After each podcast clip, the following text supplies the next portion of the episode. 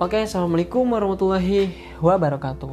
Kembali dengan J Realty di podcast kali ini kita akan membahas tentang ADS atau ads ya, iklan. Di bahasa Indonesia itu iklan ads itu. Jadi bagaimana sih kita memasarkan produk selain di WhatsApp seperti yang kita bahas di pertemuan selanjutnya atau di podcast sebelumnya.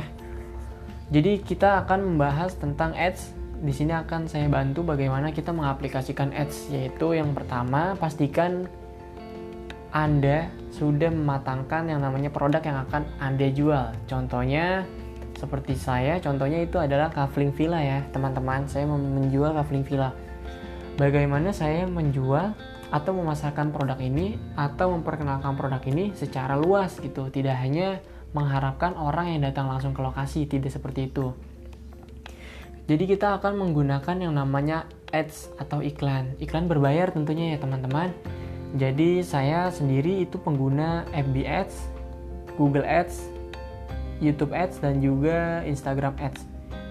Tapi yang lebih saya sering saya pakai atau yang saya lebih rekomendasikan itu FB Ads. Kenapa? Karena Facebook itu penggunanya itu sangat banyak teman-teman. Entah itu dari kalangan umur 7 tahun bahkan sampai 60 tahun itu mungkin masih ada yang menggunakannya. Tetapi untuk iklan tersendiri kita akan mulai dari awal. Yang pertama adalah kalian siapkan yang namanya akun Facebook ya teman-teman. Misalkan nama kalian misalkan contohnya nama saya Juan. Dan saya akan membuat halaman. Karena apa? Halaman ini adalah penopang dasar kita untuk membuat iklan jadi kita membuat halaman contohnya misalkan kita jual bakso aci. Jadi kita akan menjual bakso aci ini dengan menggunakan halaman yang namanya misalnya yang tidak terlalu umum misalkan bakso aci apa ya? Bakso aci sahabat misalkan seperti itu. Bakso aci sahabat. Dan saat kita sudah membuat halaman tentang bakso aci sahabat itu kita harus sering-sering posting.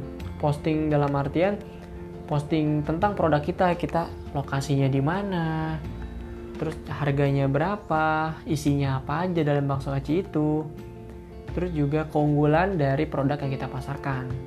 Tentunya jangan lupa cantumkan itu. Dan tentunya saat kita sering yang namanya posting-posting terus setelah tiga hari kita sering posting minimal dalam satu hari itu kalau saya pribadi saya akan memposting minimal 5 postingan. 5 postingan tentang produk yang saya pasarkan misalkan dari Bang Suaci itu jadi kita posting-posting aja terus gitu kan supaya algoritmanya dari Facebook itu sendiri membaca membaca penjualan kita. Jadi sehingga saat kita melakukan iklan FBS berbayar ini Facebook akan membantu menaikkan ranking kita supaya itu maksimal.